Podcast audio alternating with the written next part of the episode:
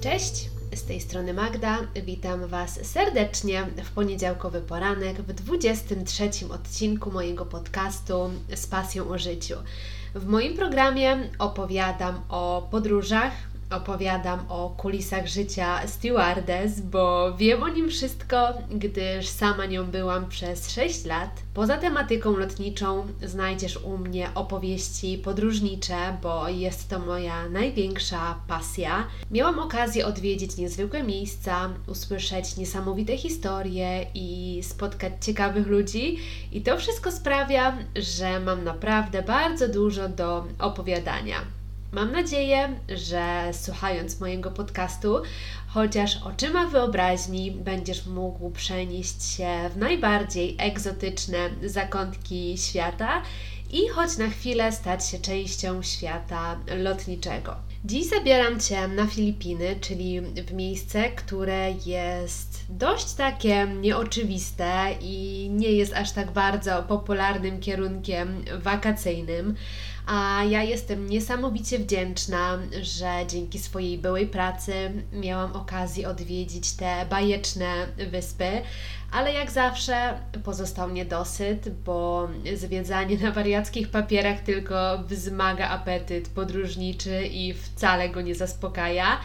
Czasami zastanawiam się, czy w ogóle starczy mi życia, żeby odwiedzić wszystkie miejsca, które są na mojej liście. I w dzisiejszym odcinku opowiem Ci nieco o moim pobycie w stolicy Filipin, czyli Manili, oraz o przeprawie przez dziką filipińską dżunglę, a także o wodospadach Kałasan, które ponoć są jednymi z najpiękniejszych na świecie.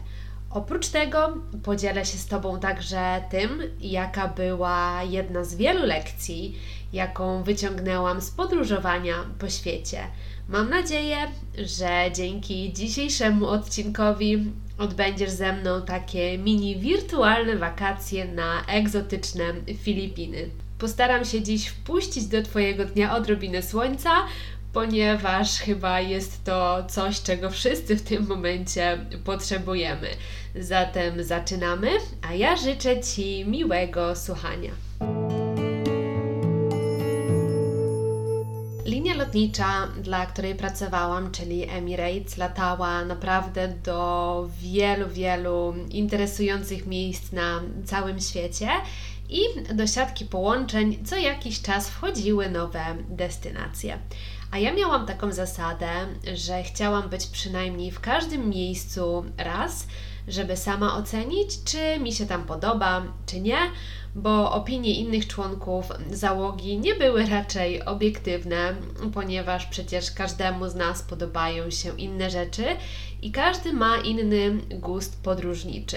I gdy pewnego dnia w siatce połączeń pojawiły się tajemnicze miejsca o nic nie mówiącej mi nazwie, czyli Sebu i Clark, to pierwsze co zrobiłam, to sprawdziłam, gdzie to w ogóle jest, bo absolutnie z niczym mi się to nie kojarzyło i nigdy nawet nie obiło mi się o uszy.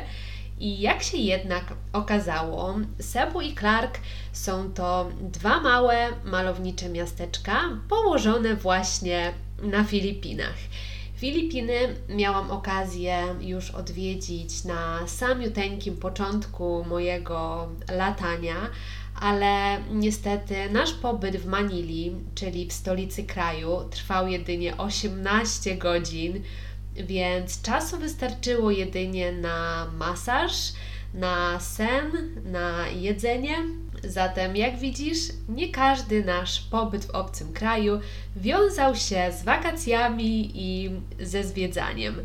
Dlatego miałam taką zasadę, że gdy jechaliśmy z lotniska do hotelu, to w miarę możliwości zawsze siadałam przy oknie i z uwagą obserwowałam, co dzieje się na zewnątrz, więc urządzałam sobie już takie mini zwiedzanie przez okno.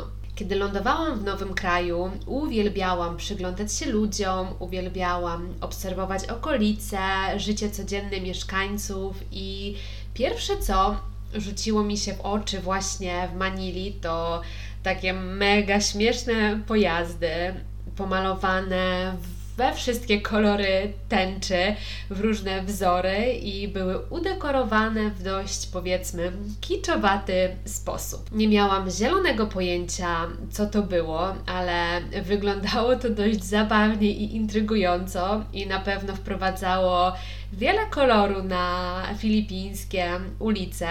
Oczywiście musiałam sprawdzić, co to są za pojazdy, i okazało się, że jest to jeden z najpopularniejszych środków transportu, a zarazem symbol kultury filipińskiej. Nazywa się dość śmiesznie, bo jeepney, nie jestem pewna, czy dobrze to wymawiam, ale tak mi się wydaje.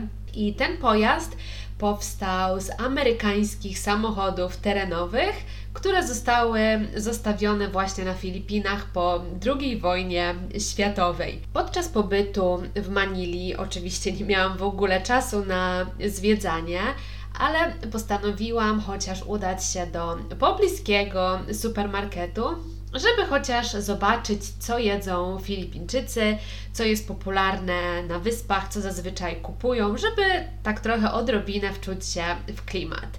I co mnie zaskoczyło? Otóż na półkach supermarketu znalazłam mango, przetworzone chyba na wszystkie możliwe warianty. Były chipsy z mango, było suszone mango, było marynowane mango, świeże mango, po prostu mango w każdej możliwej postaci. A także, co zauważyłam, było mnóstwo suszonych ryb, zapakowanych w różne takie malutkie paczuszki i po prostu zapach tych suszonych ryb niósł się przez caluteńki supermarket. Co jeszcze przykuło moją uwagę? E, na przykład sok z broku, który sprzedawany był w kartonach. Nigdy czegoś takiego wcześniej nie widziałam. A także rozśmieszyła mnie też konserwa o jakże romantycznej nazwie Sexy Chicken. Nie wiem, co działo się z nami po zjedzeniu takiej konserwy, ale no nie miałam na tyle odwagi, żeby spróbować. Tym razem niestety nie było mi dane zobaczyć nic więcej niż tylko miasto, więc miałam nadzieję, że lecąc właśnie do Sebu i Clark, uda mi się nadrobić moje filipińskie zaległości. W ramach ciekawostki powiem Ci, że na Filipiny składa się aż 7 tysięcy wysp, jednak najstarszą i najbardziej zaludnioną z nich jest właśnie Cebu, która nazywana jest Królową Południa. I podobno głównym źródłem jej dochodu jest turystyka, bo miejsc zapierających dech w piersiach jest tam pod dostatkiem. Miałam okazję przekonać się o tym osobiście, ale o tym opowiem Ci za chwilę. Natomiast jeżeli chodzi o Clark, słynie głównie z tego, że jest bazą, w której stacjonują amerykańscy żołnierze. Taka kilkudniowa wyprawa w żargonie lotniczym nazywała się multisektor i obejmowała trzy loty. Z Dubaju lecieliśmy do Sebu, następnie z Sebu lecieliśmy do Clark i potem z Clark już do Dubaju. W Sebu mieliśmy do wyboru mnóstwo wycieczek i ostatecznie podzieliliśmy się na dwie grupy. Jedna grupa udała się na nurkowanie z tak zwanymi rekinami wielorybymi, z racji tego, że taki okaz może mierzyć nawet 18 metrów długości i ważyć około 13 ton, ja darowałam sobie tą wątpliwą przyjemność i przyłączyłam się do innej grupy, która zmierzała w stronę wodospadów Kałasan. Zbiórka była o nieludzkiej porze, bo o godzinie trzeciej nad ranem musieliśmy stawić się w hotelowym lobby na zbiórkę i każdy z nas na drogę pożyczył sobie z pokoju hotelowego poduszki, zapakowaliśmy się do busa i ruszyliśmy w drogę. Każdy z nas oparł głowę o poduszkę i zasnął, więc podróż minęła nam dość szybko. I pierwsze miejsce, w jakim się zatrzymaliśmy, był to taki sklep bardzo popularnej azjatyckiej sieci o nazwie 7-Eleven. I wszyscy na wpół przytomni weszliśmy do sklepu. Była chyba piąta nad ranem, i powiem Ci, że czułam się, jakbym wracała z jakiejś imprezy i właśnie weszła na after party. Jak tylko przekroczyłam próg sklepu, to od razu usłyszałam znane mi już od dawna Hello madam, how are you? Ponieważ wszyscy Filipińczycy, czy to w Dubaju, czy na Filipinach, witali nas od progu takimi słowami. E, co prawda, ja jeszcze nie wiedziałam, jaki mam nastrój, więc odpowiedziałam tylko hello. I powiem Ci, że po prostu muzyka w tym sklepie rozbrzmiewała na full, a przypomnę, że była piąta rano. Do tego światło biło po oczach, a ja tylko słyszałam burczenie w moim żołądku. Zerknęłam szybko na półki sklepowe, ale jedyne co tam zauważyłam to różnego rodzaju chipsy, batoniki, czekoladki i inne jakieś wynalazki, ale nawet nie mogłam rozszyfrować, co to jest, ponieważ na etykiecie nie było ani słowa po angielsku. Na całe szczęście poczułam ulgę, bo zobaczyłam, że jest kawa. Niestety okazało się, że jest to kawa z serii 3 w jednym, 5 w jednym, czy nawet 10 w jednym, więc zrezygnowałam. Wzięłam sobie tylko jakieś orzeszki, e, wafle ryżowe i chyba butelkę wody, co chociaż w jakimś małym stopniu pozwoliło mi się najeść. Kiedy już dotarliśmy na miejsce, nasz bus zaparkował niedaleko kościoła i akurat odbywała się msza. Dni tygodnia, jak już wielokrotnie mówiłam, zlewały mi się w jedną całość, więc dopiero po jakimś czasie dotarło do mnie, że przecież była niedziela. I Cała okolica, całe otoczenie wyglądało dość biednie. Kościół nie przypominał kościoła, a raczej taki zwykły budynek. Zamiast okien były kraty, za których docierały do nas odgłosy wszystkich modlitw. Myślę, że Filipińczycy muszą być bardzo wierzącym narodem, ponieważ nawet na busach i na popularnych w Azji tuk-tukach widnieją różne wizerunki Jezusa, Maryi, co powiem Wam trochę mnie rozśmieszyło i trochę może się gryźć z tym, że wokół kościoła porozstawiane były budki z piwem, gdzie zapewne wszyscy wierzący udawali się po niedzielnej mszy. I rozpoczęliśmy naszą wycieczkę. Szliśmy przed siebie za naszym przewodnikiem i weszliśmy w środek totalnego buszu, totalnej po prostu dżungli. I co ciekawe, w Azji na każdym kroku, oprócz bezpańskich psów, znajdziemy spacerujące sobie kury i koguty. Jednak w Sebu zauważyłam, że niektóre koguty mają wyskubane pióra wokół szyi i jak się potem okazało, są to takie specjalne okazy, które biorą udział w sabong, czyli w walkach kogutów. Gdy tak szliśmy przez tą filipińską dżunglę, to roślinność była niesamowicie bujna. Wszędzie były różnego rodzaju jeziorka, wodospady, sadzawki i po prostu kolor zmieniał się z każdym naszym krokiem, w zależności od tego, jak padało słońce.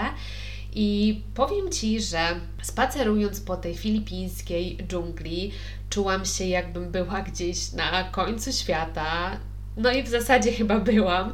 I czułam się też trochę tak, jakbym cofnęła się w czasie do średniowiecza, ponieważ ludzie myli się w strumykach, siedzieli sobie na kamieniach i w rzece robili pranie, które potem rozwieszali na sznurkach pomiędzy palmami. Wynalazki takie jak pralka, takie jak prysznic kompletnie nie są im znane, ale byli to ludzie żyjący w zgodzie z naturą, ludzie mieszkający w takich skromnych domkach, zbudowanych z trawy, zbudowanych z drewnianych bali i mnie zawsze bardzo urzekały takie widoki. I w Azji podobało mi się to, że życie zdawało się być takie proste. Miałam wrażenie, że ludzie byli tam tacy niezwykle szczęśliwi, żyli chwilą, A to, że nie mieli pralki czy też prysznica, wcale ich nie smuciło, bo oni po prostu nie znali innego życia. Była to ich codzienność, było to coś, do czego byli przyzwyczajeni.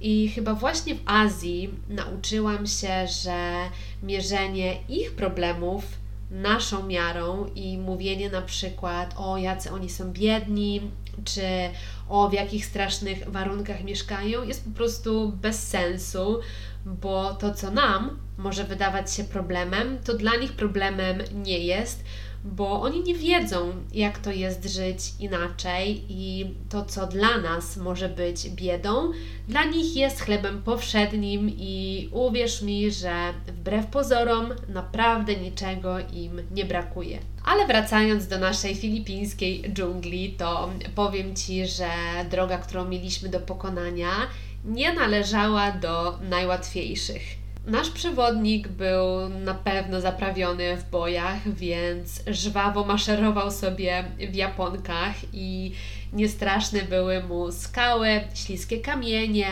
błoto, a także dość niestabilne kładki na rzece, a czasem też nawet ich brak. Niestety nam spacer już nie szedł tak sprawnie. Sandałki i klapki nie były chyba najlepszym pomysłem, ale nikt nas nie uprzedził, że ścieżka, którą szliśmy, będzie po prostu niczym tor przeszkód. I wiesz co? Od razu przyszły mi na myśl panie idące na nasze polskie morskie oko w szpilkach, i ja w tamtym momencie czułam się jak jedna z nich. Co prawda nie miałam szpilek, a japonki, więc musiałam być niesamowicie ostrożna, bo chwila nieuwagi i skręcenie kostki murowane. Wreszcie dotarliśmy do pierwszego wodospadu i woda raziła po oczach swoją niebieskością. Była tak czysta, tak świeża, tak rzeźka, że zaczynałam powoli rozumieć ludzi, którzy odbywają w rzece swoją poranną toaletę. Dzięki temu, że na miejsce dotarliśmy tak wcześnie, to nie było jeszcze zbyt wiele osób, było wręcz pusto. I dookoła były porozstawiane stoliki przykryte pomarańczową ceratą, kolorowe parasole, które zachęcały turystów do odpoczynku i w tych miejscach można było sobie coś przekąsić, zanim wyruszyło się na dalszy szlak. I w drodze powrotnej mieliśmy zatrzymać się tam właśnie na dłużej, aby doświadczyć najbardziej bolącego i nieprzyjemnego masażu, jaki miałam okazję poczuć na swoim ciele ale o tym opowiem Ci w dalszej części, więc zostań ze mną. Droga robiła się coraz trudniejsza, wspinaliśmy się w górę, mijaliśmy drewniane domki, mm, dzieci chlapiące się w wodzie, przechodziliśmy przez różne mostki, mosteczki, skakaliśmy z kamienia na kamień i trzeba było naprawdę uważać, bo było bardzo ślisko. I wreszcie doszliśmy do niesamowicie przejrzystego jeziorka. Pot lał się nam po plecach, więc nie myśląc ani chwili, od razu z dziewczynami wskoczyłyśmy do lazurowej wody. Było naprawdę przecudownie, aż nie chciało się nam wychodzić.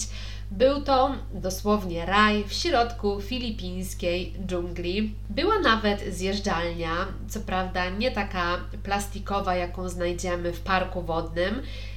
Ja nazwałabym ją raczej taką zjeżdżalnią naturalną, ponieważ chodziło o to, że porywa nas prąd rzeki i wyrzuca gdzieś tam za kilka metrów dalej. Trochę ciężko było potem wrócić na brzeg, ale chociaż miałyśmy przy tym dużo dobrej zabawy. Po tej orzeźwiającej kąpieli wróciliśmy w okolice głównego wodospadu, gdzie czekała na nas największa atrakcja, tutaj w cudzysłowie, mm, wycieczki, którą dzisiaj z perspektywy czasu nazwałabym chyba największym bólem mojego życia. Okolica wyglądała bajecznie, woda była tak turkusowa, że nawet nie da się tego opisać. i czekały już na nas takie ogromne bambusowe tratwy i równie ogromny, szumiący w tle wodospad, którego wody z ogromnym ciśnieniem wpadały wprost do tej błękitnej laguny. Usiadłyśmy na tratwie, musiałyśmy usiąść w kółku, jedna obok drugiej i zaczęliśmy płynąć w stronę wodospadu. Kiedy przepłynęliśmy tuż tak jakby za taflą spadającej wody, było naprawdę super bo okolica, którą oglądaliśmy właśnie za tej takiej wodnej kurtyny, prezentowała się jeszcze bardziej zjawiskowo, jeszcze bardziej fenomenalnie, aż wreszcie przyszedł czas na punkt kulminacyjny programu, czyli uwaga, masaż wodny. Pewnie sobie pomyślisz teraz, że brzmi to całkiem bajecznie i relaksująco, ale w ogóle nie miało z relaksem nic wspólnego. Przewodnik poprosił nas, abyśmy położyły się na brzuchu, jedna obok drugiej, i nagle zaczęliśmy podpływać coraz bliżej i bliżej do wodospadu, i powoli zaczynałam czuć jego wodę na swoich plecach. Ciśnienie wody nagle zaczęło wzrastać. I kiedy już podpłynęliśmy pod tą główną taflę wody, to poczułam, jak ona dosłownie roztrzaskuje się o nasze plecy. Nagle wszystkie zaczęłyśmy wrzeszczeć jak głupie. Woda wpadała nam do uszu, do buzi. Nie mogłyśmy złapać oddechu. Trwało to może, ja wiem, z 10 sekund, ale było jak wieczność i ból był po prostu nie do opisania. Także no, nie polecam takich atrakcji turystycznych. Wszystkich nas niesamowicie wymęczyła ta wycieczka, więc w drogę powrotną spaliśmy jak zabici, bo przecież zaraz trzeba było znowu wstać, założyć mundur, zrobić makijaż i naszykować się na lot powrotny. I jak zwykle w takich momentach czułam ogromny niedosyt, bo to całe zwiedzanie wodospadów było raczej taką gonitwą, która miała niewiele wspólnego z relaksem, z odpoczynkiem, ale i tak niesamowicie się cieszę, że byłam tam chociaż na chwilę, bo dzięki temu mam super wspomnienia i przede wszystkim materiał na to, żeby dzielić się tutaj z Tobą w moim podcaście wszystkimi przygodami podróżniczymi. To wszystko na dziś. Mam nadzieję, że podobała Ci się moja krótka opowieść o Filipinach. Jeżeli wszystko pójdzie dobrze, to już w następnym odcinku posłuchacie kolejnego wywiadu w moim podcaście.